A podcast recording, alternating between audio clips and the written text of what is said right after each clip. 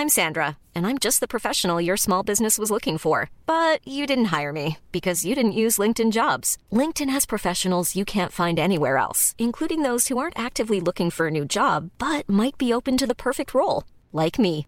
In a given month, over 70% of LinkedIn users don't visit other leading job sites. So if you're not looking on LinkedIn, you'll miss out on great candidates like Sandra. Start hiring professionals like a professional. Post your free job on linkedin.com/people today.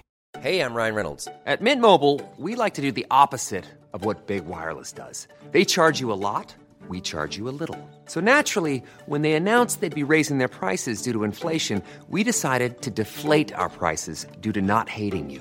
That's right. We're cutting the price of Mint Unlimited from $30 a month to just $15 a month. Give it a try at mintmobile.com slash switch.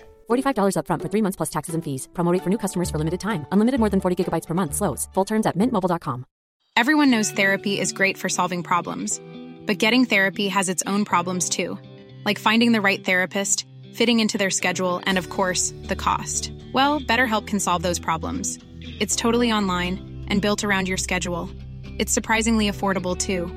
Connect with a credentialed therapist by phone, video, or online chat, all from the comfort of your home. Visit betterhelp.com to learn more and save 10% on your first month. That's BetterHelp H E L P.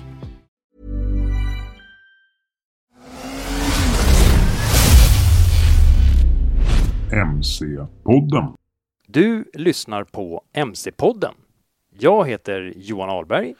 Och jag heter Mikael Samuelsson. Jaha Johan, då har vi kommit till avsnitt tre. Johan, eh, kan inte du köra en liten tillbakablick på vad vi gjorde i avsnitt två? Förutom att vi introducerade en, en ny grej eh, som vi kallar Gissa hojen, som vi också kommer att köra i det här nu- avsnittet, så träffade vi Niklas Lindell, VDn på KK Motor som har bland annat Suzuki och Honda i sin portfölj. Och sen så fick vi höra ett reportage från Novemberkåsan i eh, Bollnäs. Så man fick hänga med lite där och uppleva. Och, eh, ja, det var väl i stora drag lite så. Har jag glömt något viktigt? Nej, väsentligt? det tror jag inte att du har gjort. Och om vi tittar på det här avsnittet då. Vad Mm. har vi framför oss i avsnitt tre? För det första så, eh, både du och jag har ju varit iväg och, och kört lite nya hojar, som nya 23-hojar. Jag var ju i Portugal och körde äventyrshojen eh, KTM 890 Adventure och du var ju och körde I Spanien, Almeria och jag körde två modeller och det var BMWs eh, Roadster då, M1000R. Och sen så fick vi köra med eh, supersporthojen S1000RR.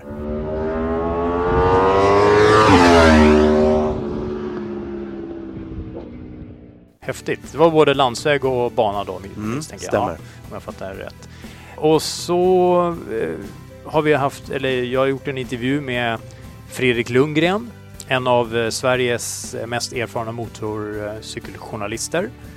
Och eh, sen, bara för några dagar sedan, så eh, presenterade Ida Olsson från södra Sverige ett lite speciellt hojbygge som kallas The Balvenie Motorcycle, en Royal Enfield som hon har förädlat med lite egna detaljer och så. Så att, ja. Och sen kör vi väl Gissa hojen och sen tänkte jag väl faktiskt kolla läget vad du har önskat av tomten också. Faktiskt. Jaha, intressant. Ja, Mm. härligt.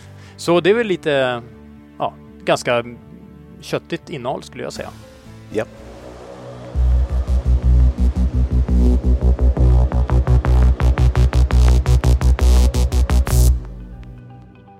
Ja, Johan, jag tycker att vi kastar oss in direkt i hetluften. Jag är intresserad av att höra hur din provkörning med KTM såg ut.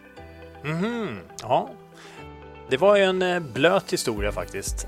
Det var kanske inte riktigt vad man hade tänkt sig när man hoppade på flyget och drog ner till Lissabon och körde lite norrut sen till någon, något samhälle som jag inte riktigt vet, kommer ihåg vad det heter. Men hur som helst, så ehm, det var en lyckad provkörning. Det var, det, det var väldigt roligt. Det var väldigt mycket grusåka, men också en hel del landsvägskörning på asfalterade kurviga bergsvägar. Och till eh, 2023 då så har ju 890 Adventure fått ja, en liten ansiktslyftning kan man säga. Från när jag körde den senast i Grekland för några år sedan. Nu har den fått en omarbetad kåpa med lite ny grafik och uppdaterad fjädring och lite andra tekniska uppgraderingar som eh, i det stora hela har gjort en redan eh, lättkörd och ja, en riktig äventyrshoj som man faktiskt på riktigt kan köra med väldigt extremt. Den bangar verkligen inte för eh, traktorstigar, riktigt snabb, eh, tuff eh, grusåka och en grej som kanske är eh, till utseendet som är det främsta, största man ser är ju kanske att KTM 890 Adventure har fått en, en ny kåpa som ger en eh, stilrenare övergång till tanken än föregångaren som toppats av ett nydesignat kåpglas. Och eh, tidigare så var liksom toppkåpan var liksom frånskild från tanken och det vet jag, det var ju en del som inte gillade det estetiska i det. Så det har ju blivit, plus att nu är den lite mera rallystukad kan vi kalla det. Och eh, en annan detalj som är lite rolig med utseendet eh, som faktiskt gör enormt stor skillnad, som jag blev väldigt förvånad över, det är att man har eh, liksom kapat ur en rektangulär bit ur kåpglaset. Och det gör i sin tur att den släpper in vind där. Så att när man kör lite högre hastighet så kommer det in vind som, så att det inte blir massa turbulens bakom kåpglaset. Väldigt effektivt Ja, eh, smart grej tycker jag. Så man tänker ju kanske tvärtom att det ska bli mera vind, men det blir tvärtom. Sen är ju eh, 890 Venture, eh, det som jag gillar med den är ju också att den är så smal. Den har så smal midja. Så man tänker verkligen inte på att, att det är en så pass stor hoj som det egentligen är när man kör den. Så den är väldigt förlåtande, även för dig som är lite kortare. Jag är ju ungefär 1,83 lång och eh, når ju lätt ner till marken. Eh, den, sadeln har ju i standard två olika sadelhöjder som man lätt kan välja mellan. 84 cm eller 86 cm. Och, ehm, ja, nej men så att hur som helst, vi ringlade omkring där uppe i bergen och eh, njöt av dagen fastän det spöregnade i princip hela tiden. Det som är fördelen med en sån här provkörning är ju att det är ju ofta i de här lite extremare väder eller när det är förhållanden som är lite ja, jobbigare. Så då får man ju anledning att testa vissa saker lite mer än vad man kanske gör när alla, alla förhållanden är perfekta. Alltså, det var lerigt, det var kladdigt, det var blöt sand, det var djup sand vi körde i, allting. Och det där ställde ju till det då så att man, man får ju verkligen testa alla sådana här system, antispinn och ABS-bromsar. Det är så kurv-ABS som gör att du kan, du kan faktiskt bromsa även i kurvor utan någon större fara och sådär. Så att lite sådana här grejer som man kan testa bättre än om det är helt perfekta förhållanden. Så att... Men en sak jag tänker på Johan, mm. när du inledningsvis sa att eh, man kanske inte tror när man åker till Portugal att det ska vara dåligt väder. Mm. Hur förberedd var du rent utrustningsmässigt? Hade du med dig så att du klarar dig i, i den här vätan? Mm. Absolut. Man är ju rutinerad. Man är rutinerad och vi bor ju ändå här uppe så att jag, eh, jag visste ju att eh, blir det regn så kan det bli kallt i Portugal så här års. Eh, jag hade ju lite kollegor från, eh, från andra delar av världen som var med och körde i gruppen och det var ju några som, eh, jag kan säga att de stod nog i varmdusch ganska länge efteråt om vi säger så. Okay. Det, det, det, var kallt.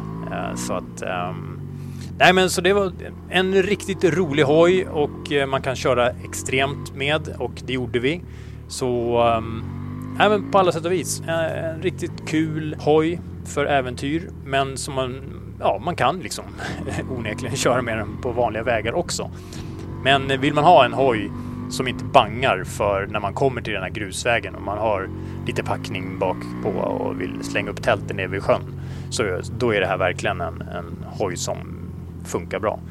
Och för den som vill läsa mer om hojen då Johan så ligger väl provkörningen ute på Fastbikes? Ja, precis. Så det är bara att gå in, kolla under provkörningar på fastbikes.se så hittar du hela provkörningen. Så att, eh, Ja, men lite sådär. Ja. En positiv, eh, jag ska inte säga överraskning, men positiv eh, provkörning helt enkelt av en rolig äventyrshoj.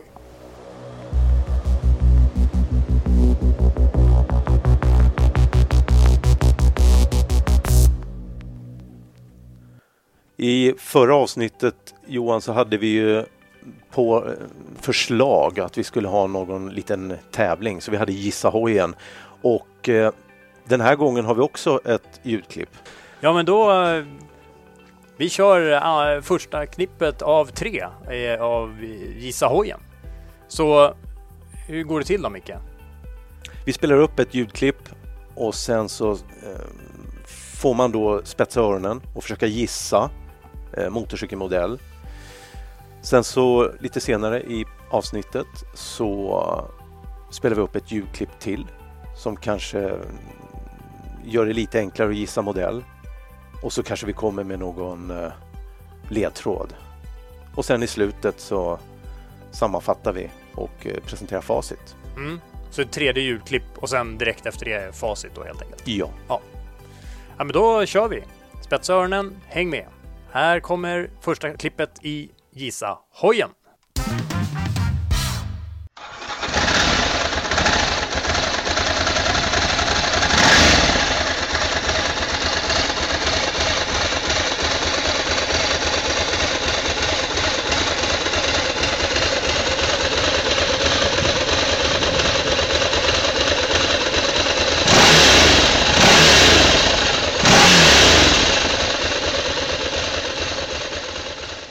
Det var det första klippet i Gissa hojen i avsnitt 3. Så ni som vet vad det är för hoj, ni får helt enkelt eh, lyssna på resten av programmet och se om ni hade rätt eller inte. Mm. Spännande. Vet du vad det är för hoj själv då? Ja, Ja men Micke, då kör vi vidare. Faktum är att eh, vi kan kalla det att jag passade på. När jag var i Portugal och provkörde KTM 890 Adventure så gjorde jag ju det med ett antal eh, kollegor från olika delar av världen. Men en av eh, kollegorna var ju Fredrik Lundgren från eh, ja, och då kan vi ju passa på att säga så här att eh, vi sammanstrålade faktiskt på Arlanda innan er avresa. Ja, just. Så jag, så jag kom ju ut eh, till er gate. Just, stämmer. stämmer. Och så snackade vi lite där, chitchattade du, jag och Fredrik. Ja. Så att eh, ja, det ska bli väldigt spännande att höra Johan hur den intervjun gick till. Mm. Men vi kör väl eh, direkt. Vi lyssnar vad Fredrik Lundgren har att säga i sin intervju.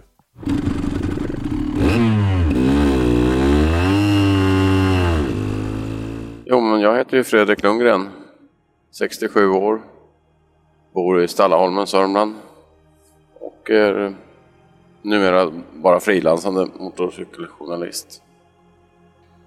Men eh, Fredrik, vi har ju onekligen varit ute på en del tillsammans och ska jag vara helt ärlig så är det faktiskt eh, lite, eller ganska mycket ditt, vi kan kalla det fel, att jag sitter här bredvid dig just nu. Inte kanske just här och nu, men som har initierat att jag ens personligen började eh, i den här svängen att också, precis som du, har varit motorcykeljournalist i massa, massa år. Men det, Eh. det borde väl vara preskriberat vid det här laget nu? Ja, Våra gamla synder. Ja, men jag tänker ändå, eh, jag gjorde ju några sådana här klippgrejer där i början, eh, åkte till Korsika och lite sånt där. eh, Som någon slags stuntförare till dig, höll jag på att säga, stand-in när Ja. du kunde. Men, ja, men hur började det för dig liksom? Jag tänker på, när, när kom ditt motorcykelintresse och varför? Nu får vi le- leta långt bak i minnesbanken. Själva motorcykeljournalistiken, den kom väl när jag var, vad kan man ha varit, 20 år?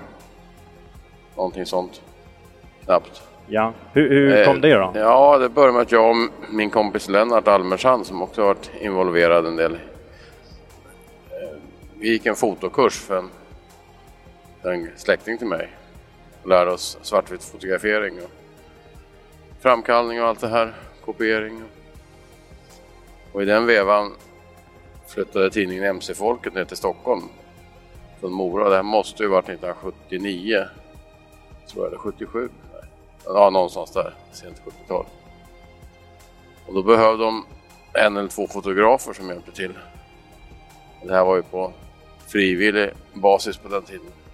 Och eh, ja, så egentligen är jag ju började som fotograf men det blev ju skrivande och körande också på en gång så att Mm. på den vägen var det. Men, men hur kom motorcykelintresset så att säga? När kom det in? Nej, jag vet inte.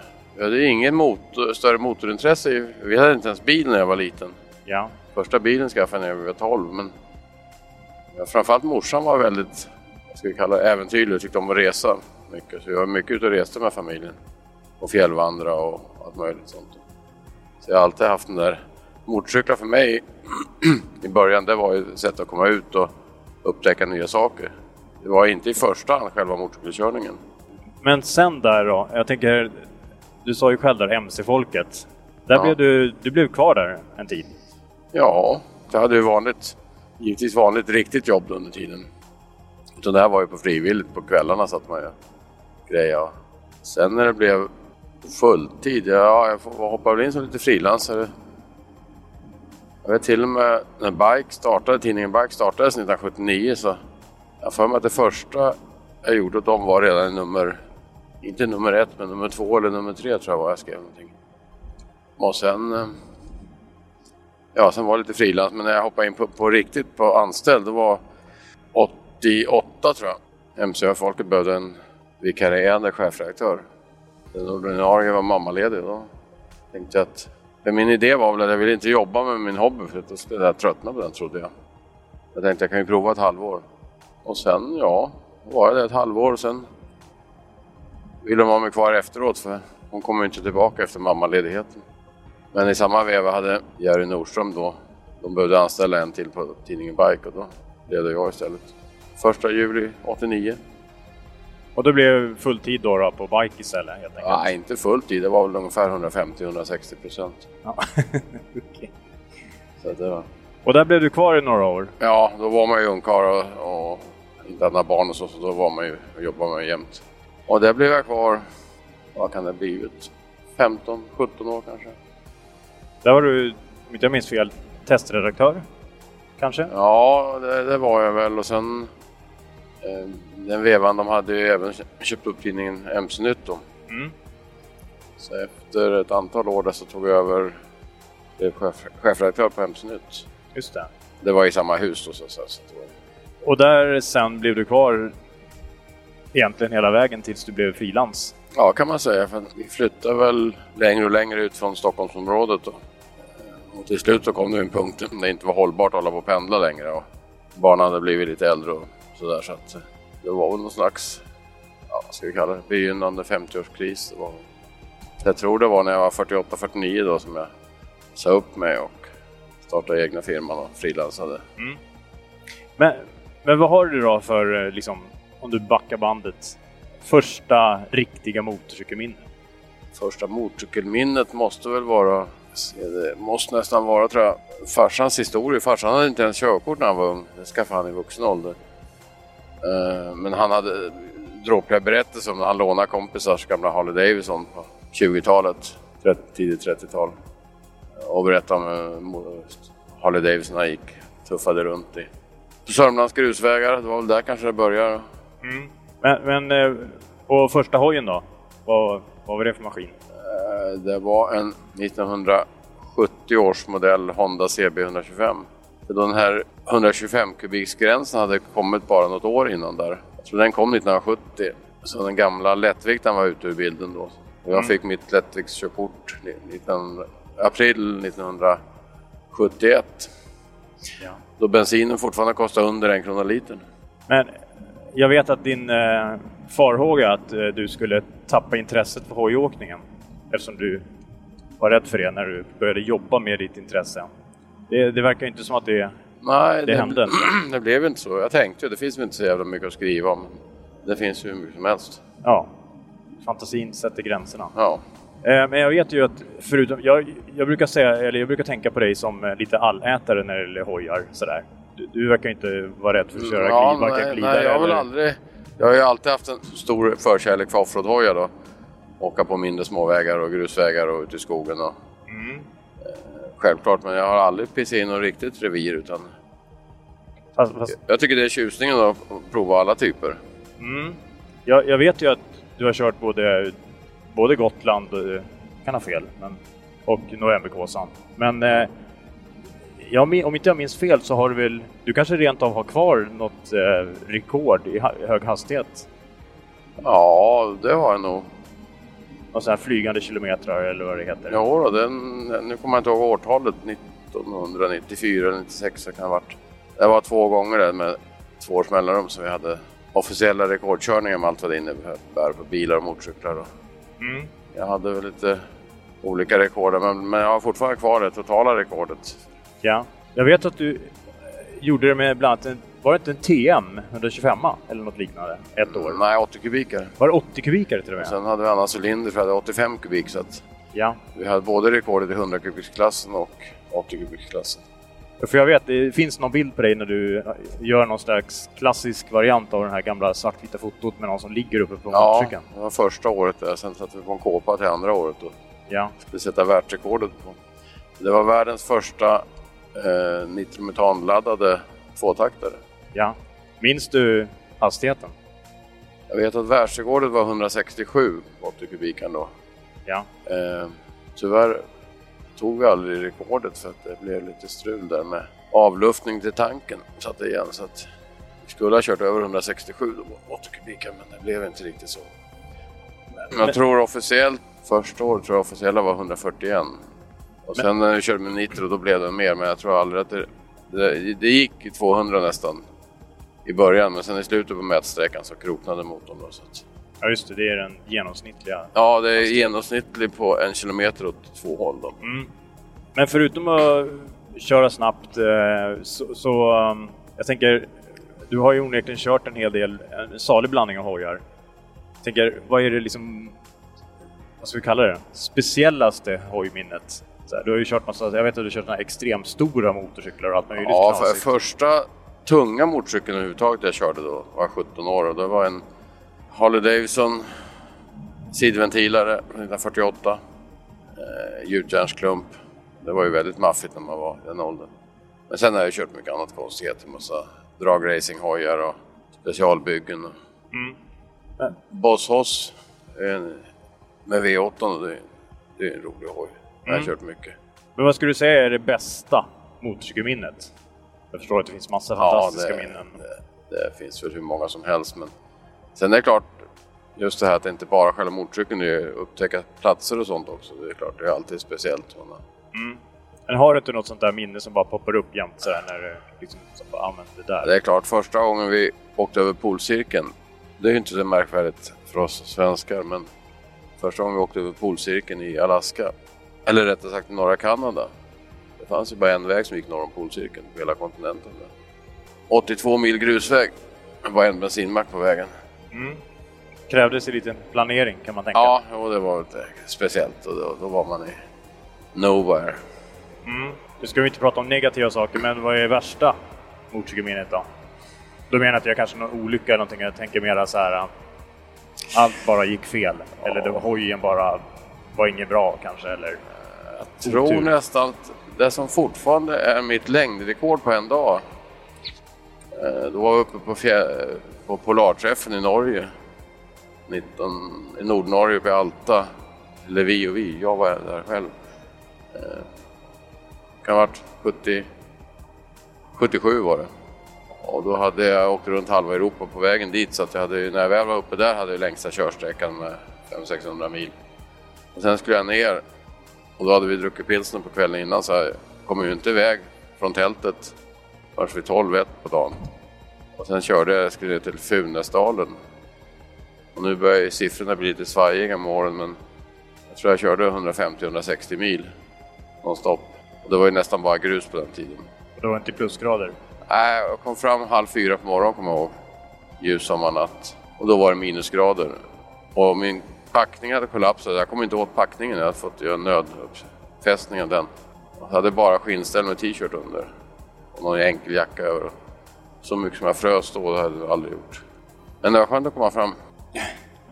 Men eh, vad skulle du säga?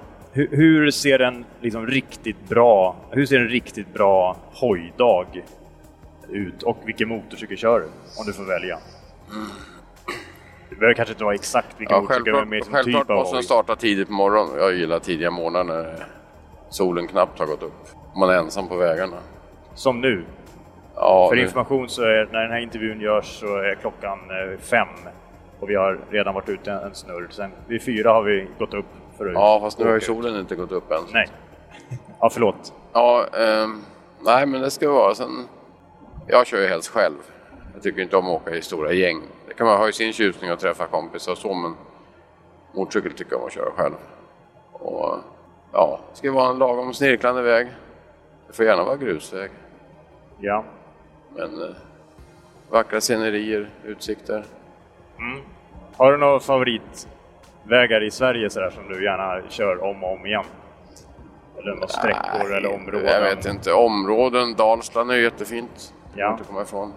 Och sen jag gillar mycket norrut då. Mm. Och det, det är kanske alla gånger inte själva vägarna, själva körningen är så optimal. Det är mycket raksträckor och så också förstås. Men annars går ju inte att komma ifrån att Nordnorge är ju väldigt speciellt. Mm. Med Slingrande asfaltsväg, fina asfaltsvägar och lite trafik. Och, och ljusa nätter då. Ja. Men, men för att återgå lite till det här med eh, rädslan för att tappa intresset. Eh, om du skulle backa bandet nu, ångrar du att du gav dig in i det här? Nej. Du skulle gärna göra det igen? verkligen, verkligen inte. Utan, och speciellt när jag jobbar med man har fått fördelen att åka ut och testa motorcyklar kors och tvärs på jordklotet. Och, Ja. så det, man har fått sett många trevliga ställen och träffat roliga personer. Och Mm. Kör mycket fina motorcyklar. Men, men jag vet att du, du har ju haft som sagt eh, lite förkärlek för det här med offroad och sånt. Jag vet att du, om inte jag minns helt fel, så är väl du ganska involverad i den så kallade Kåsa-klubben. För de som har kört ett visst antal, ja, som har kört i mål helt enkelt, tagit sig i mål jag har i Kåsa. fullföljt minst 10 novemberkåsor. Ja, Och eh, jo, jag har väl någon slags ansvar för den klubben där och att den Ja. fortlever. Det, var, det var inte jag som startade klubben, utan det var ju Claes-Göran Sten på. M-snuten på den tiden. Då. Men, men, eh, för jag vet, den här drog väl igång någon gång mitten på 70-talet eller någonting sånt där va? Kåsa-klubben tror jag. Ja, och, och, ja, inte Alltså jag tänker att statistiken Nej, ja, sträcker sig väl Nej, de räknar bakåt, men jag tror den startades på eh, faktiskt på 90-talet till och med. Ja, okej. Officiellt. Ja. Eller, kan- för eller statistiken är väl därifrån, Nej, men- 70-talet någon gång. Ja, nu måste jag tänka här. Eh, nej, själva starten av klubben, det, det stämmer nog. Det var nog slutet på 70-talet. Men eh, vad, vad snackar vi sådär ur minnet? Eh, 20-30-talet före? Eller är det fler? Är 41 nu. 41 nu? Mm. Oj, okej. 41, 41 gick med i år nu då. Är fortfarande Blom i topp? Ja, 21 stycken har han i mål då. Ja. Okej. Ja, det är ju en bragd måste jag säga. Ja, Ingmar Österberg är 20 också. Ja. Eh, men du har ju själv kört Ja, det, eh, Husabergare för en herrans massa år sedan, kommer jag ihåg. inte han 94 då. Vad sa vi? Skillingaryds skjutfält. Ja, Hur var den då? Den kåsan? den startade med nattetappen. Och jag vet inte, jag gjorde väl det, började med, jag var nog relativt väl förberedd. Och jag skulle fylla 40 sen så det var väl någon slags 40-årskris då. Och sen Ja. gjorde jag det klassiska felet när jag väl startade där på natten så körde jag för fort helt enkelt. Jag körde slut på mig. Ja. Det är en lång natt så man ska ju ta lite vackert i början då. Men, eh, Eh, första sträckan vet jag var över tre mil lång. Och så där, där blev man rätt så trött. Och sen senare på natten så fick jag tekniska problem som det heter. Eh, jag tippade omkull i en litet kärr eller vad man ska säga. Det var ingen märkvärdigt men det var en, en, en gubbe i publiken som rusade fram och ville hjälpa till och skulle lyfta upp hojen men jag satt inte ens fast. Och då tog han tag i lyssladdarna och rök av så det blev svart allting. Och sen stod jag med pannlampa och meckade i 20-25 minuter. Så gjorde jag då nästa dumhet. att Jag fick för mig att man måste köra in de här 25 minuterna nu. Och det gick ju inte. Körde jag slut på mig ännu mer. Och sen slutade jag med att jag fastnade på ett ställe där det inte fanns någon folk och lyfte sönder mig alldeles. Så Då bröt jag där på natten. Ja, det är alltid en tråkig känsla såklart. Ja. Det är inte vad man har Jag tänkt sig. inte, det var så tufft det året så jag hade nog inte kommit runt det ändå. Så att, eh, Mm. jag hade kommit utanför respiten i alla fall så det var ingen fara. Men, men förutom Kåsan då, så har du ju kört Gotland åtminstone, jag vet inte hur många gånger. Nej, inte jag heller. Det har jag faktiskt inte räknat. Jag är lite så här nörd på tabeller och sånt annars. Men eh, jag har väl ja, åtminstone tio i alla fall. Ja, men första Eh, Gotland då? Ja, det roliga var att jag, jag började ju köra enduro. Alltså ren, jag körde offroad och grejer runt och fixade men, sen 70-talet. Men, men första riktiga endurotävlingen var 83. Då var jag alltså, vad var jag, 27 år? 28 år? 28 var jag. Och eh, då blev det mycket intensivt tävlande ett tag. Och sen 84 då, hösten 84, gick ju första Gotland Grand National. Och självklart så körde jag det också. Det var ju speciellt för det var nytt för alla oss där oavsett om vi var motionärer eller elitförare. Så. Eh, det var ingen som hade startat. Då startade ju alla på ett led. 450 personer. Jag för mig att vi var. Och det var ju ett helt annat än Gotland idag. Det var ju mycket svårare och smalare och det var ju mer som en riktig enduro, eller man kan säga vanlig enduro. Mm. Men eh, det var jättekul. Och sen vet jag inte, jag körde väl en 5, 6, 7 gånger där på raken. Sen var det uppehåll och det skulle födas barn och allt det här vanliga och jobba och grejer så att det hade ett stort uppehåll. Sen gjorde jag någon comeback här för några år sedan och körde tre, tre stycken med gamla hojar. Så jag körde veteranhoj, det äldsta hojen i startfältet bland annat. Okay. Och, då, och, då, var väl jag lite bidragande till att, att det startades en veteranklass där på Gotland. Och den är ju väldigt uppskattad idag. Men då, jag körde ju man säger vanliga Gotland fast med gammal hoj. Det var lite kul också. Så jag körde väl tre gånger där tror jag med den. Men eh, förutom det här med enduron och allt hojåkande. Jag tänker på hur, jag tänker lite annorlunda. Ehm, finns det någon hemlig talang? Någonting som kanske inte så många vet om dig? Nej, jag är, talang vet jag inte om jag har. Jag har ju inte precis blivit någon världsmästare. Så. Nej, men jag, jag är nog rätt seg. Jag ger inte upp sådär liksom. Att jag tar inte emot att köra länge och långt. Och jag har kört mycket sådana maratonkörningar. Man bara sitter och nöter på. Sen om det blir man kör i 12 timmar eller 24 timmar, det har mindre betydelse. Mm. Det låter som lite Iron Butt. Ja, fast de kör så jävla sakta. De håller sig has inom hastighetsbegränsningen, då somnar man ju. Ja. Men hörru Fredrik, jag tänker nu har vi kommit fram till eh, det jag brukar kalla 10 snabba. Okej. Okay. Apropå hastighet. Ja, ja. Och eh, så 10 snabba med Fredrik Lundgren. Okay. Eh, och här gäller det att eh, svara snabbt, okay. rakt av. Så 10 snabba med Fredrik Lundgren. Tvåtakt eller fyrtakt? Fyrtakt förstås. Bensin eller el? Eh, bensin. On eller offroad? Off. Kick eller elstart? Kick förstås. Stark eller smidig? Ja, eftersom jag inte är så stark så blir det smidig då. Enkelkuts eller bönpall? Nej, det blir nog enkelkuts då. Skinn eller textil? Textil. Muller eller dämpat? Nej, jag är inte så nördig på buller. Det, det kan vara dämpat. Wheelie eller stoppy? Nej, wheelie i sådana fall. Lägga en lakrits eller äta en lakrits? Går inte det att göra samtidigt? ja. Det var bra svar. Ja, jag, jag gillar ju burnouter så. Men jag kan nog tugga på en lakritsrem samtidigt. Och skulle du avslutningsvis säga, är det en sanning eller myt att eh, full fart spar tid? Det är en sann myt. Det är en sann myt. Mm. Och med de orden så tackar jag Fredrik. Fredrik Lundgren, tack så mycket. Det är jag som får tacka som flickan sa.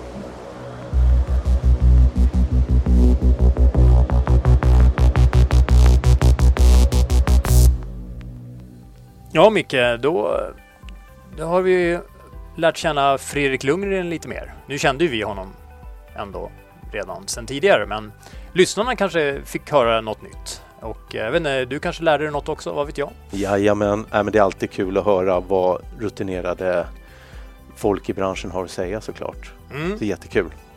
Men jag tänker, du var ju också du har ju också varit iväg på lite galej eh, i Spanien, i Almeria och kört lite roliga hojar från BMW. Ja, exakt. Nej, men otroligt eh, tacksamt att få sticka iväg och provköra eh, en BMW-hoj så här i december.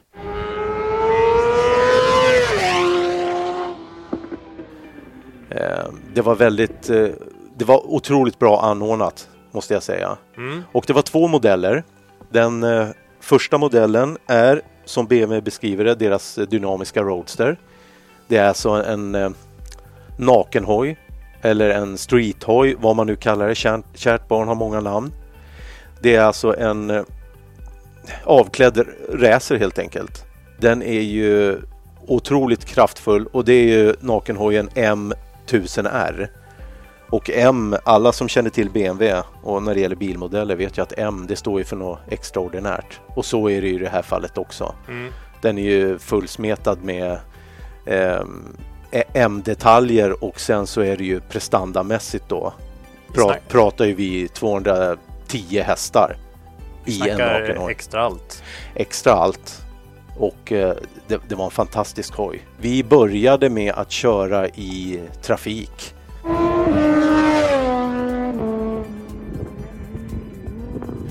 Och vi var likt som du var då uppe i, i, i bergen på slingriga vägar och provkörde det där i olika grupper. Äh, det var en fantastisk hoj. Man sitter väldigt skönt på den. Den har ett, eh, ett brett styre som gör att man sitter avslappnat samtidigt som man har full kontroll på hojen. Och sen den här urkraften och prestandan och bromsar och allting. Nej, det, det var fantastiskt. Sen den dagen så avslutade vi med att köra direkt in på Almeriabanan. Så när vi kom eh, till eh, banan, så, vid, vid depån där, så släpptes vi ut på banan direkt. Och sen fick man avverka några, några varv på banan och det klarar den här maskinen galant. Och det var ingen regn. Nej, det var ingen regn och lite nervöst så tittade vi på väderleksrapporten och såg att andra dagen så skulle det vara regn. Men på något magiskt sätt så blåste det där förbi. Och jag var likt som du då, då. man är ju van vid att vara nordbo. Så jag hade ju med mig regnställ och sånt som jag kunde dra utanpå. Sen skulle vi köra på bana så att man ville ju ha rätt skyddsutrustning såklart. Eh, men det kom ingen regn, Johan. Det var, det var uppehåll och det var soligt. Det var inte jättevarmt. Det blev kallt uppe i bergen och då är handtagsvärmare som standard det är ju väldigt eh, uppskattat såklart. Men sen är det ju det är ju så bra anordnat som vanligt. De flesta resor jag har fått eh, äran att följa med på eh, som den deltidare jag är så måste jag faktiskt säga att de tar väl hand om en och eh, dessutom så hade vi i som kökar i vår grupp så hade vi ju eh, Dominic Blass och han är eh, product manager för just M1000R.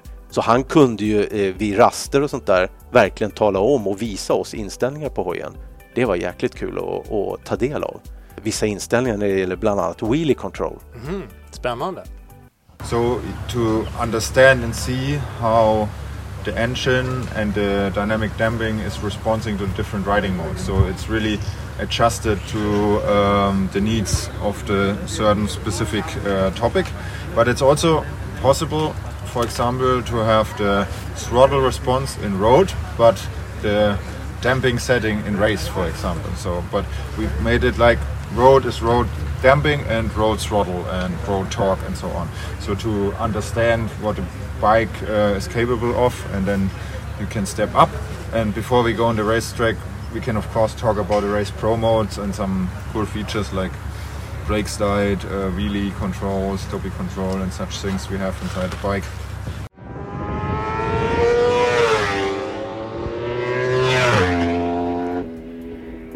Ja, och eh, jag menar, man, man märker att de, de verkligen kan sin sak, de här personerna. Och de, de, de är verkligen entusiaster ut i fingerspetsarna. Mm. Eh, inlevelsen är enorm. Jag kan ju inte låta bli att tänka på, ehm, på 80-90-talet när de här nakenhojarna eller Street Fighter-hojarna eller nu är det ju Roadster här då, men att, att det, liksom, det var lite, man tog liksom en sporthoj och så la man dit massa budgetgrejer och så blev det en ganska, i slutändan egentligen med fas, helt ärligt en ganska tråkig hoj i många fall, inte alltid.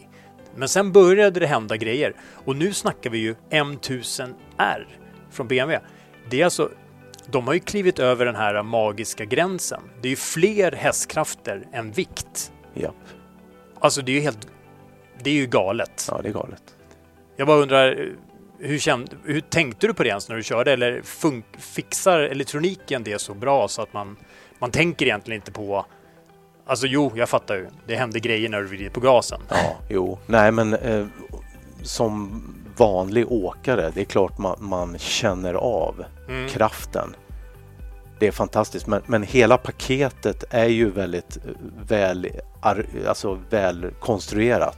Jag tycker hur allting samlirar med Ja, ja, bromsar, antispinn, alla de här säkerhetsfunktionerna som Ja, faktiskt finns där. Men det, det, det, det är top of the line. Liksom. Mm. Det, ja, det funkar ju hur bra som helst. Men du var ju på Almeriabanan sen sa du och brakade runt. Ja, nej men då åkte vi ut. Då åkte vi ut i grupp sådär direkt bara på banan. Mm.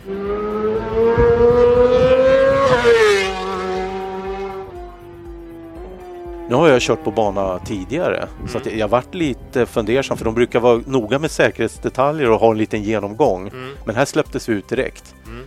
Eh, men det gick hur bra som helst. Det var ju bara att försöka hänga på så gott det gick liksom. Och, nej, men det gick bra. Och hojen klarade av det där, inga problem. Och det var ju skönt då att komma från bergen och så ner på banan och så få, få gasa enormt och sen så bromsa rejält. Och det, du märker ju det att eh, systemet kickar ju in så att det blir ju liksom inget, det blir ingen fara så.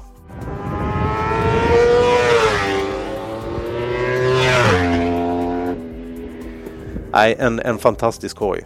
Och som sagt, jag satt väldigt bra på den och den var lättkörd men ändå med den här äh, kraften i botten.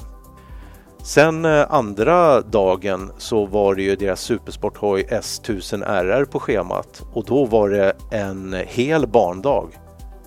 Och då fick man verkligen vara äh, uppleva lite och, vara en sån här MotoGP-förare light. Vi kom ju dit och de stod uppställda i depån med med däckvärmare och slicks hade de monterat allting. Backspeglarna var bortmonterade och bakpartiet och sådär. Så det var ju det var ju gjort för bana. Och sen så eh, åkte vi ut i olika grupper och så tror jag det var fem pass på hela dagen med lunch däremellan.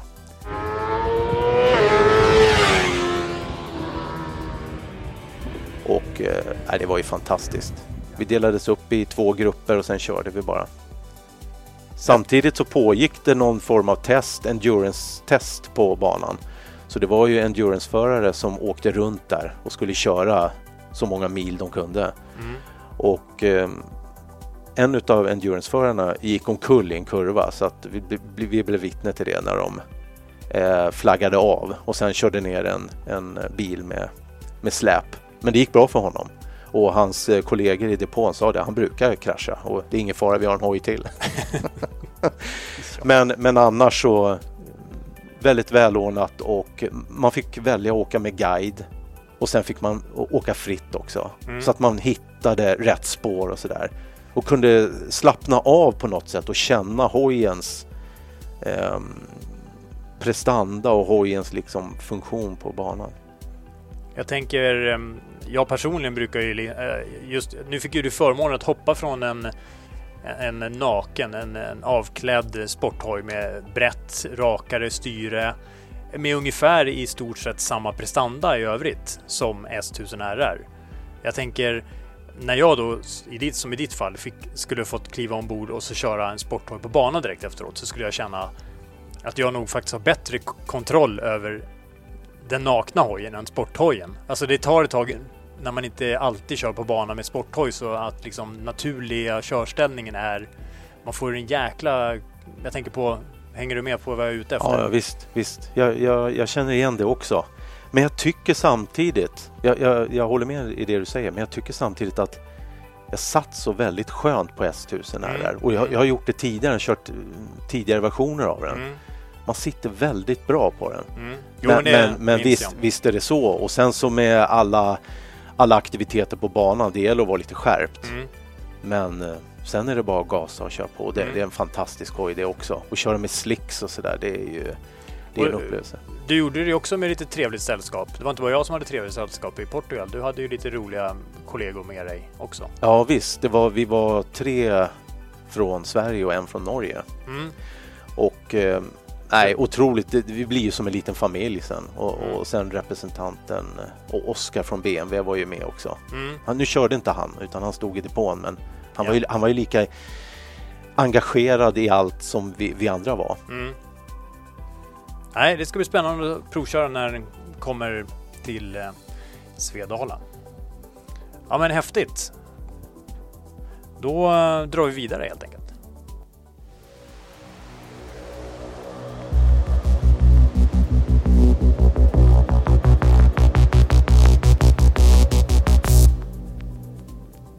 Men eh, Micke, då är det dags tror jag att köra andra ljudklippet i Gissa hojen. Ja, precis. Och eh, vad ska vi säga då Johan? Ska vi ge någon ledtråd på denna hoj? Man skulle kunna säga lite grann att det här är kanske ett ljudklipp som är lite klurigt på det sättet att det är kanske inte riktigt vad man skulle kunna tro. Alltså. ehm, Tro att det är egentligen, eller vad då? Ja, kan man höra fel eller?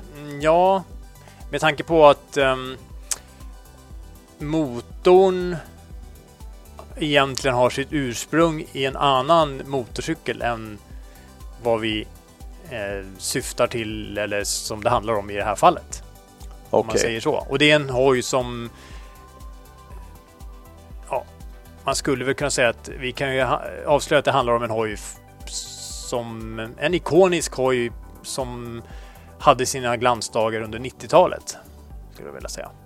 Okej, ja, men då gör vi så här Johan. Vi, vi lyssnar på klipp nummer två. Ja. Varsågoda. Gissa hojen med MC-podden.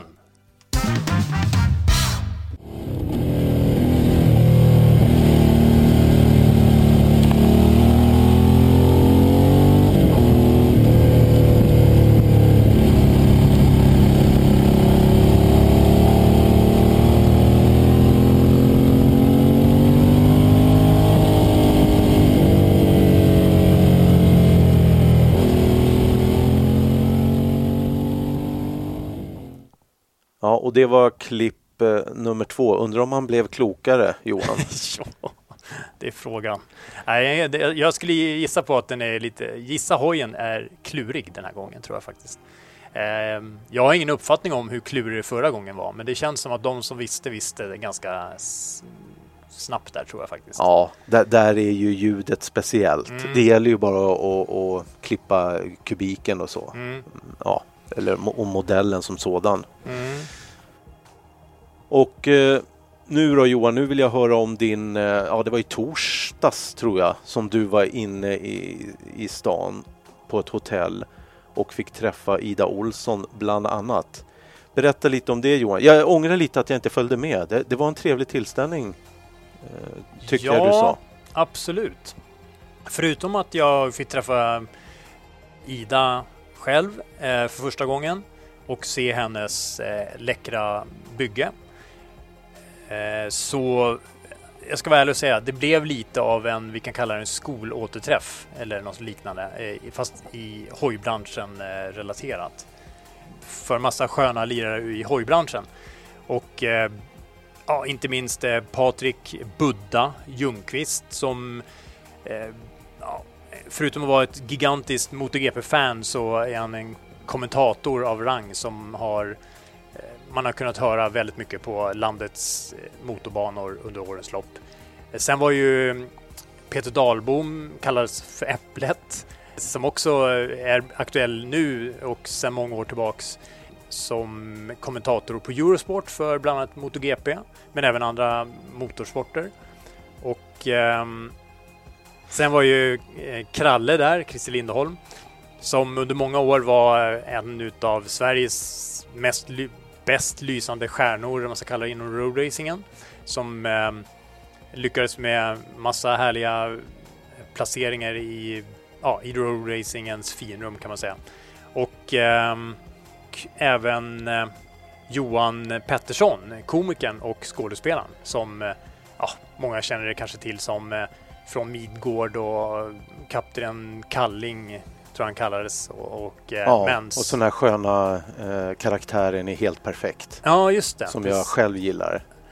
Men han är ju aktuell nu också i eh, en eh, serie på TV eh, som har sitt ursprung på kanal 5 om jag inte minns fel. Där eh, snickaren och MC-entusiasten Mattias Särnholm som raggade ihop några goda vänner, profiler eller motorcykelkörandes. Eh, vi har en stjärnkock som kallas Jonas eh, som jag inte kan efternamnet på nu men hur som helst drog iväg på en vad, de skulle bli, vad som skulle bli en eh, drömresa men som blev en helvetesresa. Och ja, den kan man hänga med på om man tittar på, på den då, då. Helvetesresan helt enkelt. Och där är Johan med då och kör. Så att, Och Johan, då känns det som kanske att någon av de här personerna som du har rabblat upp nu kan komma som en framtida gäst i MC-podden. Mm, absolut. Jag kan inte lova något, men eh, sannolikt absolut. Kul. Men mm. åter till Ida Olsson, huvudpersonen då, mm. som du var där för att träffa. Och jag känner, eh, ja men alltså, jag fick ju tillfälle att snacka med henne och eh, så jag tycker vi låter Ida komma in här och berätta lite mer om sitt eh, bygge.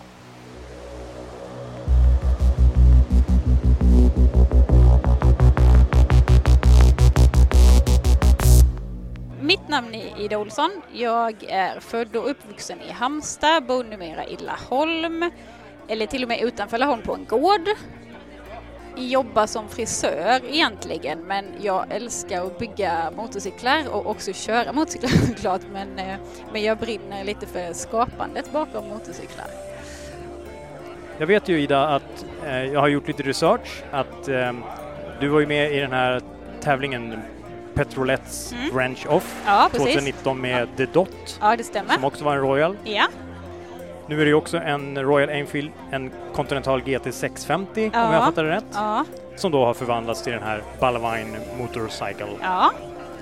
Och när, när, när kom själva motorcykelintresset? Eh, det var ungefär sex år sedan som jag tog körkortet. Mm. Och sen så typ, alltså allt det mesta jag gör när jag får ögonen upp för någonting, det är bara all in och allting jag tänker på är bara det. Så då gick det ganska fort till att jag liksom fick ett jätteintresse, umgicks med mycket folk, lärde känna mycket folk som körde. Mm. Ehm, och då, då kom också intresset ganska snabbt med att bygga. Mm.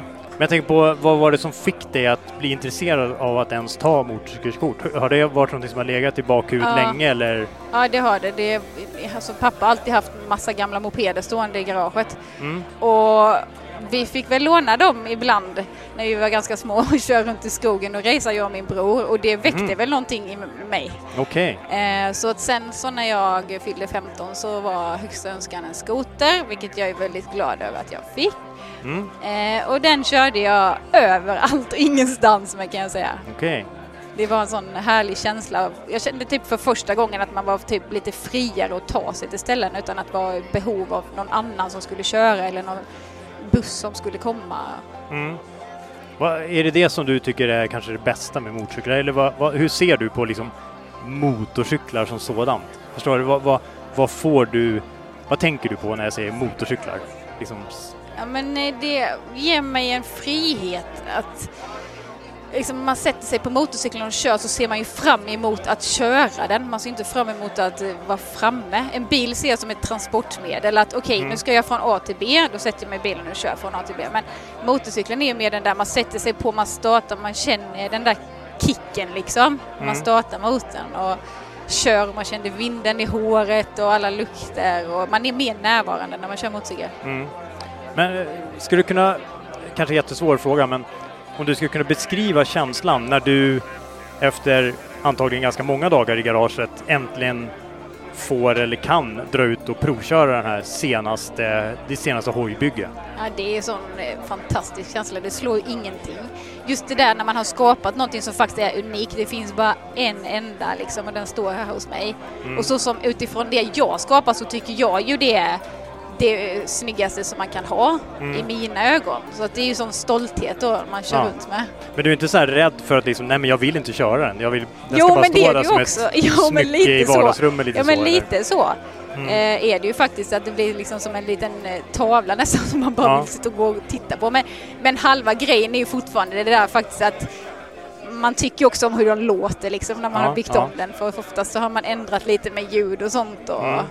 Och jag kan tänka mig med, med, tiden, med erfarenheten och sånt, du får eh, vad du också kanske lär dig mer om hur saker och ting funkar i praktiken, ja. rent körmässigt. Ja. Eh, att börjar du liksom, förstår du vad jag menar? Det är lätt att man tänker bara design mm. och så inser man att det här funkar inte i verkligheten nej, ute på vägen. Nej, det är ju lite så. Alltså, man får ju ha en liten tanke bakom hur man ska köra motorcykeln när den är färdig. Mm. Så att man inte går loss och inser att den där kan jag faktiskt bara köra typ tre mil i taget liksom. Mm.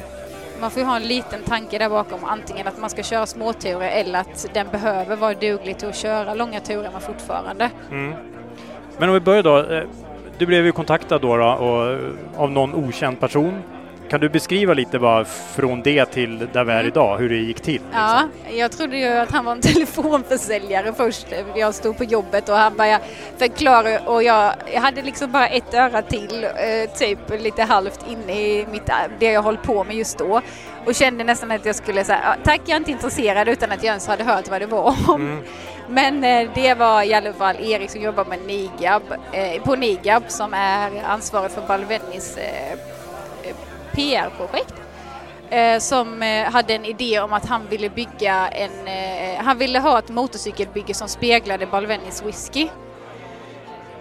Och han förklarade för mig lite hur de hade tänkt projektet och så här och, att han tyckte om mina tidigare byggen och han trodde att jag skulle passa bra för, för detta projektet och jag blev ju supertaggad där efter ett tag när jag insåg liksom vad, vad han berättade för mig. Och ehm, vi fick med Royal Enfield på detta också som var intresserade och tyckte att det var en jättekul grej. Och jag började direkt spinna på idéer och, och göra moodboards och skisser och allting sånt eh, Mm. och blev supertaggad och tyckte det var jättekul. Skisser i, i din värld, hur ser de ut? Alltså tänker på, är det papper och penna eller är det dator? Ja, det är typ, eh, ibland är det papper och penna och ibland är det iPad med, med, med pekfingern typ. Mm. alltså så. Ja. Ehm, men det är väldigt sådär, eh, ja men lite halvkladd. Bara sådär så Mm. man får ner lite idén vad, just vad, man, vad det poppar upp just nu och här liksom. Mm. Så man får ner lite det. Känner, känner du att du har landat ungefär där, om du skulle backa banden nu och Ja. titta på dina skisser, Ja, när du hade landat i skisserna lite grann. Ja. Är du där nu? ja det är jag. Och, om vi då skulle för lyssnarna här beskriva eh, The Bellavine Motorcycle. Vad vad- vad har vi framför oss här nu? Hur, Ja, men det är ju en motorcykel som ser lite retro ut. Den ser, jag ska inte säga använd, men lite rustik ut. Mm. Som jag tycker passar whiskyn. Eh, den är sänkt och, och liksom är lite bufflig. Mm. Eh, så den är liksom lite mindre och ser lite maffigare ut. Du har ju sänkt den ganska kraftigt Ja, i fram, Ja, framförallt. ja. Ner på, liksom dragit ner gaffelkronorna Ja. på gaffelbenen. Sen eh, kan man ju eh, undra, är eh, damaskerna, är, är de av läder eller är de av något färgat gummi som ser ut Nej, som läder? det är faktiskt läder. Det Det, är läder. gjort i Italien. Ja. Eh, handsytt i Italien. Ja. Och sen så har jag gjort den klassiska, eller lite av en klassisk kaféracerbubbla där bak ju. Mm. Eh, förkortat eh, ramen bak till. Eh, det är ganska stora grejer. Det är det ju oftast på originalmotorcyklar. Det är ju rätt stora blinkers och baklampor Mm, och framlampor. Och jag vill ju framhäva det som är snyggt att se på på en motorcykel så därför så har jag valt att sätta på väldigt små blinkersar Mm. som innehåller baklampa också så det är inte mycket bak. Eh, minskat framlampan så att liksom de andra grejerna ser lite större och lite ja, men liksom maffigare ut. Mm. Och så att motorn kommer fram på ett annat vis tycker jag också. Så att inte den försvinner i de stora detaljerna. Men jag hörde ju dig förut här, du beskrev hur eh, ekfat och, Ja. och eh, läder hade Ja, funnits med i bilden. Ja, ganska tidigt hade Så jag eh, med trä. Mm. För jag tyckte det passade så bra med alltså, ek till ekfaten, det skulle det liksom vara. Och jag råkar känna en kille som är så jäkla duktig på, lä- eller på, förlåt, f- på trä. Mm. Och jag vet att han kan tillverka stort sett allt i trä. Så jag skulle bara lista ut vad jag ville ha i trä i stort sett. Så vi, vi har ju eh, någon slags, vad ska vi kalla det, eh, uppe på fotpinnarna skulle man kunna säga. Ja precis, I- uppe på halva fotpinnarna i trä. Ja. För vi har ju fått också, alltså jag har fått tänka så att inte det blir funktionsmässigt farligt att köra den. Mm, Så det får mm. liksom inte vara betydande delar om man Nej, säger. Nej, Så hållbarhets att uppe på fotpinnarna är Mm. det trä och sen så är det trä på eh, kedjeskyddet. Mm. Ehm, och det är en detalj som jag, den kåpan gjorde jag i metall på mitt förra bygge och tyckte det var väldigt snyggt när man ser liksom lite kedjan Mm, där, mm. där den går runt. Och då så fick eh, Peter som han heter på vevhuset då eh, tillverka den i trä Ja. och sen så en framskärm då i trä också. Mm. Men sen har du ju, om jag har förstått det rätt, eh, sytt sadeln helt Ja. för egen maskin. Ja, Ja.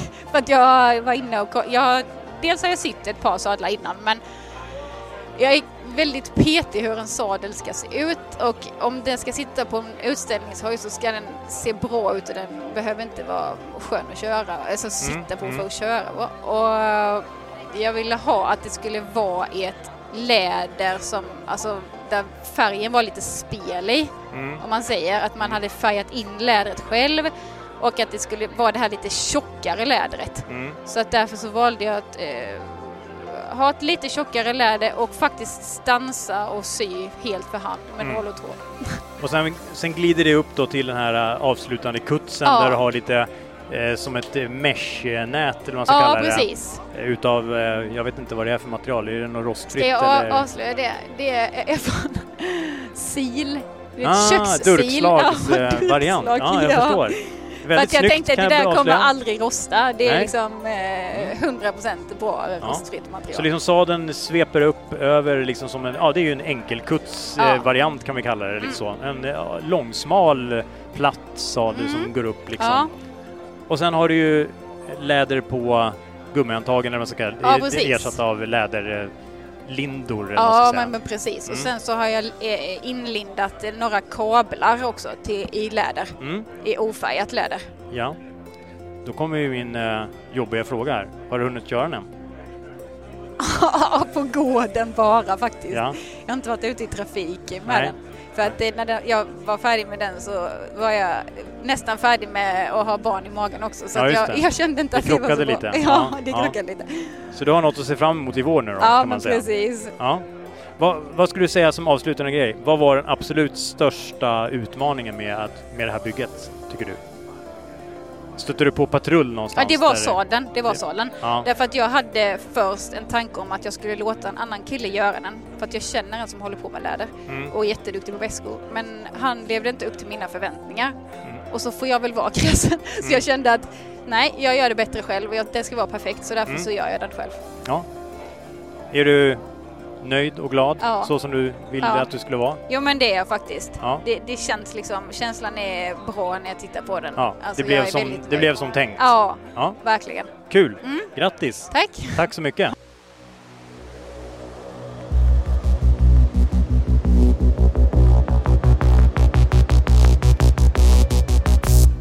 Ja, men det, då hörde vi Ida Olsson då och eh, jag har ju sett bilder på hennes hoj men det var ju lite synd också som jag sa inledningsvis att jag inte var där och fick se hojen live. För det är alltid något speciellt. Bilder är en sak men att kolla i den där miljön hade varit kul. Mm, det var det. Absolut.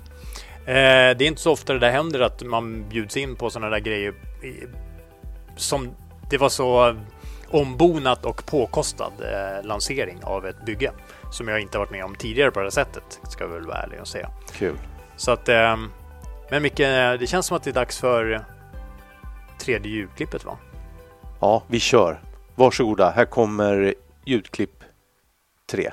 Gissa hojen med MC-podden.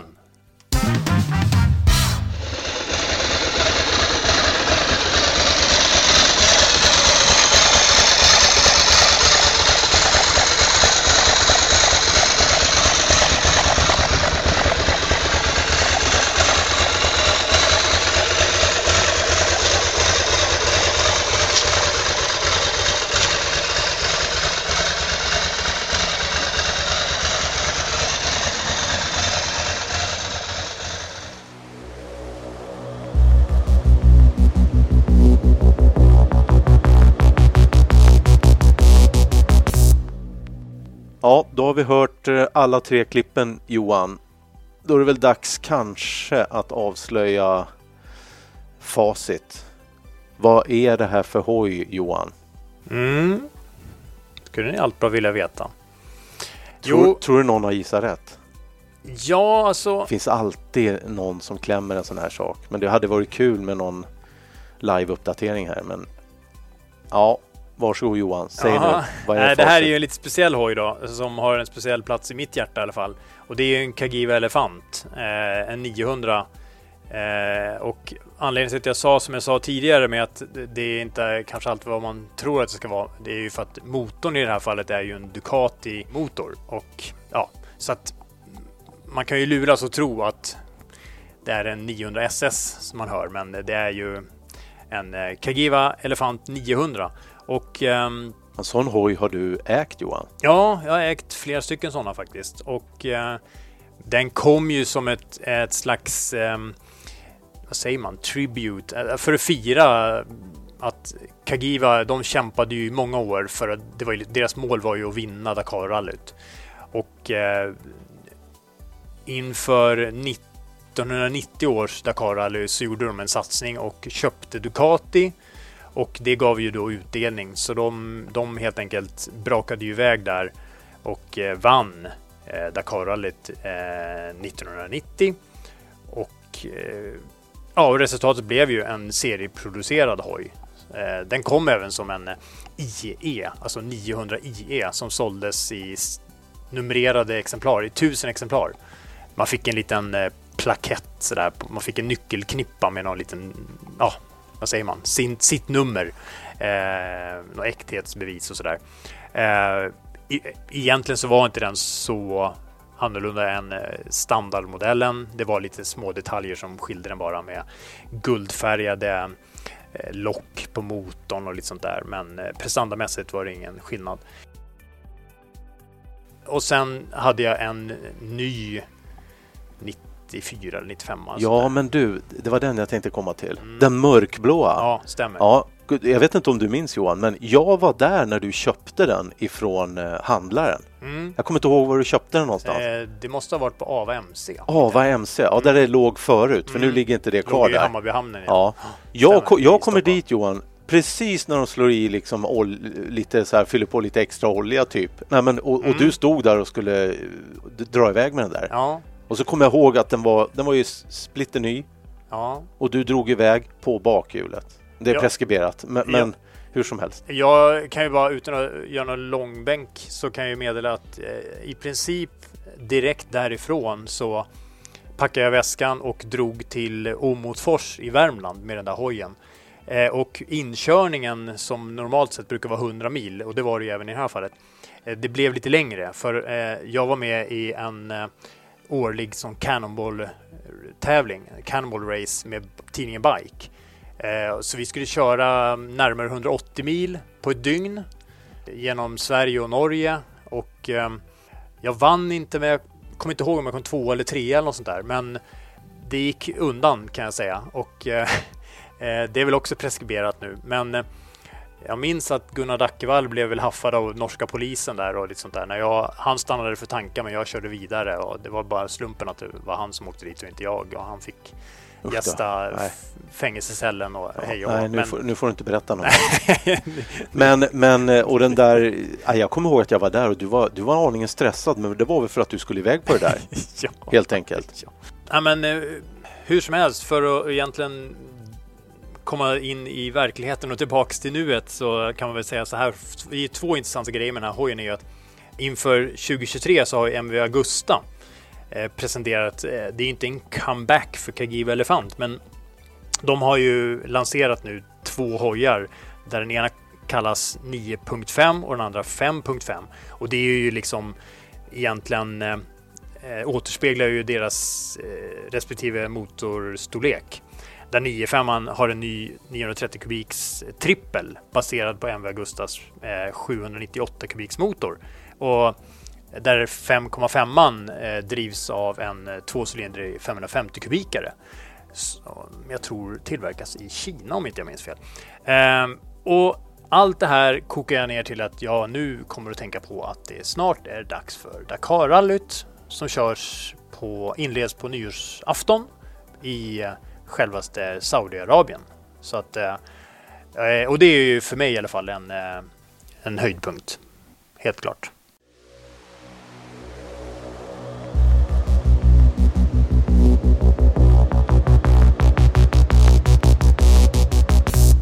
Och eh, när du nämner eh, Kagiva Elefant Johan så är det ju så här också att det finns ju en hel del Youtube-klipp eh, från olika filmer etc.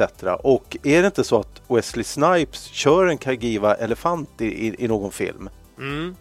Man hör ju inte en Kagiva Elefant 900 i den filmen du pratar om. Men det är en Kagiva Elefant 900 som han kör i den här Money Train från eh, 95.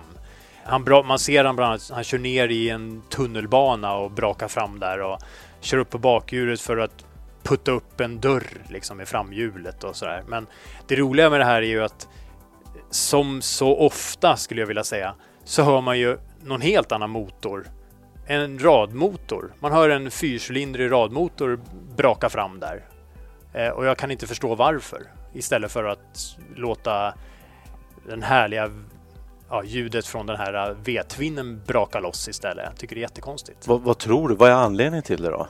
Vill man ha ett eh, ett mera varvande ljud kanske mot... Man, man, kanske inte får in liksom mikrofoner på det sättet att kunna göra men, men det borde ju vara en enkel grej att fixa. Ja. Ändå Nej, väljer man ett annat motorljud. Ja, det måste vi gå till djupet med för jag, jag vet faktiskt inte. Nej. Och det, det, finns andra filmer där man tänker på när man ser en motorcykel så ja. tänker man det där stämmer ju inte överens. ja. Det är som däckskrik på grusvägar med bilar. Ja, jo men lite så. Ja. Absolut. Så att men eh, ja, jag känner att eh, vi har ju snackat här nu Dakarrallyt och sen det här nu då, Elefant 900. Men jag tänker, det är faktiskt lite av en gammal drömhoj som jag hade länge, som jag ville ha och som jag till slut då hade. Och nu känner jag det här nya som kommer från Eva Augusta. Det, det, mycket är ju utseende. Jag har inte ens provkört den och vet inte ens om det är någonting att ha, men den ser cool ut onekligen. Eh, men jag tänker, Micke, det är lite sent kanske för det, men jultomten kanske kommer snart, vem vet? För när det här avsnittet kommer så är det ju ganska direkt. Vi, vi pratar någon, det är ju julafton imorgon helt enkelt. Ehm, och ehm, vad, vad finns på din önskelista när det gäller hoj relaterat? Ja, det är ju det är en bra fråga Johan. Jag tror önskelistan är rätt lång om jag ska vara ärlig.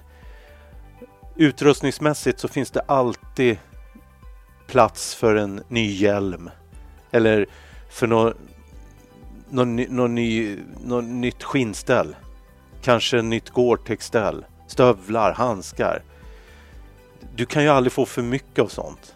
Eh, så att eh, ja, om jag har varit riktigt snäll så hoppas man att tomten kommer med något sånt där. Och och ska du, ska du fråga mig vad jag vill ha för motorcykel i garaget? Nu har jag ju två. Jag har två äldre hojar. Men om jag skulle få välja en hoj, det är så svårt Johan. Det finns så många. Mm.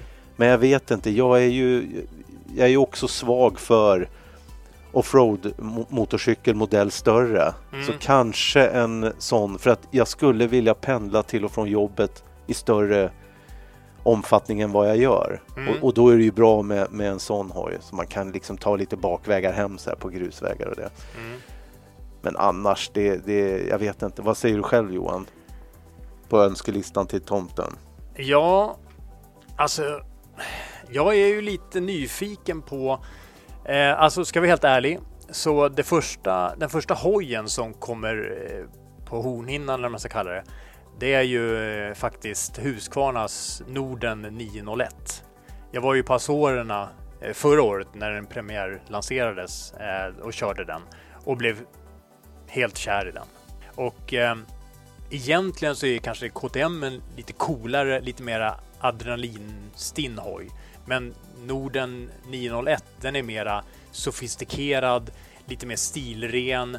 Så att eh, det är nog den hojen som jag skulle hoppas eh, stod under min julgran faktiskt. Det ska vara en jäkligt stor julgran visserligen. Ja, du får ha en hög julgran. Ja, verkligen. Men det är som du säger annars. Annars är det ju alltid massa eh, intressanta prylar som kommer. Eh, jag är väl lite nyfiken på, jag provade för länge sedan en sån här airbag-väst. Eh, och eh, faktum är att jag gillar bra skydd faktiskt. Jag, jag, är ingen som åker omkring i kortbrallor och flipflop när jag kör motorcykel, utan även fast jag har gjort det någon gång. Eh, men eh, jag föredrar ju att vara så att säga välkittad med bra skyddsutrustning när jag kör motorcykel. Eh, och där skulle jag vilja testa eh, sån här eh, väst, airbag-väst som är av den senaste versionen som helt enkelt, man behöver inte ha någon kabel eller någon vajer kopplat till hojen utan den känner av när det går fel så löser den ut. Så det, det skulle jag tycka var en bra julklapp faktiskt. Sen kan jag säga som så att eh, jag har ju en, ett, en målsättning och det är kanske att min kära fru ska ta mc-körkort. Mm. Så ett eh, schysst headset att prata med henne i, för det blir så mycket enklare om man ska övningsköra och prata med varann. Du tänker så? Ja, så att eh, det vore ju nice att ha. Ett schysst headset eh, där vi kan prata med varann och Mm. vägleda, säga vad som är fel eller mm, när man övningskör. Men det, är låter mer något- som att det var en present. Jag tycker det låter som att det var en julklapp till henne. Ett körkort. Mm, kanske är så. Jösses, nu har jag lovat något här. Mm. Ja, vi går Farligt, vidare. farligt. Vi går vidare. Ja.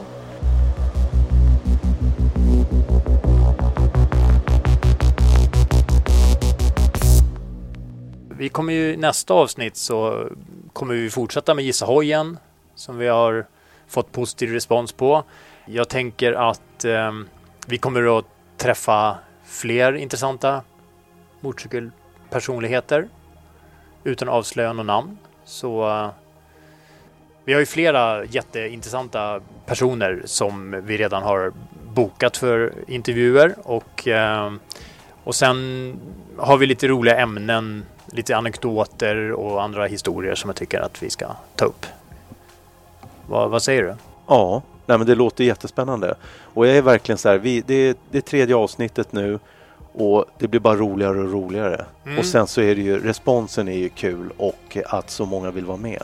Ja, så att det ska bli jätteintressant framöver. Jag är jättepositivt överraskad över all feedback och eh, för dig som är intresserad av att komma med egna önskemål eller någon feedback på vad du skulle själv vilja höra mer om, stort som litet, så mejla gärna till redax med ett X på slutet alltså. Redax at mcpodden.se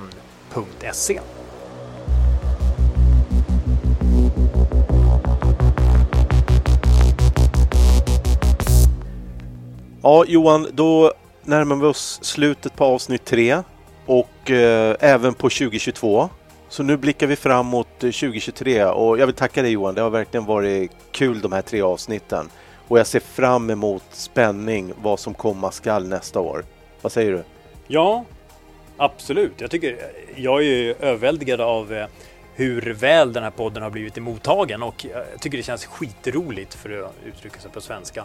Och ehm, absolut, så eh, ja, till dig Micke och alla lyssnare så vill jag väl önska gott nytt år och vad är det man säger? Gott slut och gott nytt år och god jul och Ja, framförallt god jul. Det är ju Ja. imorgon. det är ju imorgon. När det här avsnittet sen så är det faktiskt imorgon, det är julafton det känns helt snurrigt. Ja, det har gått fort. Ja, Men vi ser fram emot 2023. Ja. Så god jul och gott nytt år allihopa. Så ses vi nästa år. ja. Ha det bra Johan. god jul! God jul.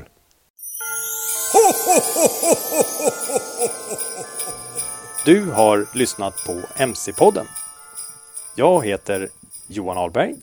Och jag heter Mikael Samuelsson.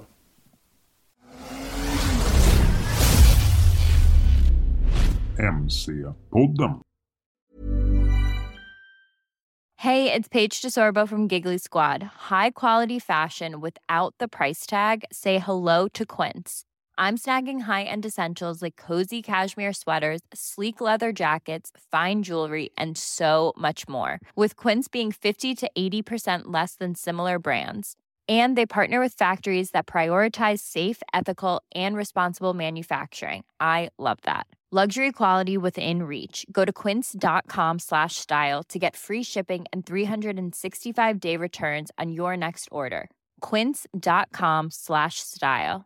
Mom deserves the best, and there's no better place to shop for Mother's Day than Whole Foods Market. They're your destination for unbeatable savings, from premium gifts to show-stopping flowers and irresistible desserts. Start by saving 33% with Prime on all body care and candles. Then get a 15-stem bunch of tulips for just $9.99 each with Prime. Round out Mom's menu with festive rosé, irresistible berry chantilly cake, and more special treats. Come celebrate Mother's Day at Whole Foods Market. Imagine the softest sheets you've ever felt. Now imagine them getting even softer over time. That's what you'll feel with Bowl and Branch's organic cotton sheets. In a recent customer survey, 96% replied that Bowl and Branch sheets get softer with every wash. Start getting your best night's sleep in these sheets that get softer and softer for years to come. Try their sheets with a 30-night guarantee. Plus, get 15% off your first order at bowlandbranch.com. Code BUTTERY. Exclusions apply. See site for details.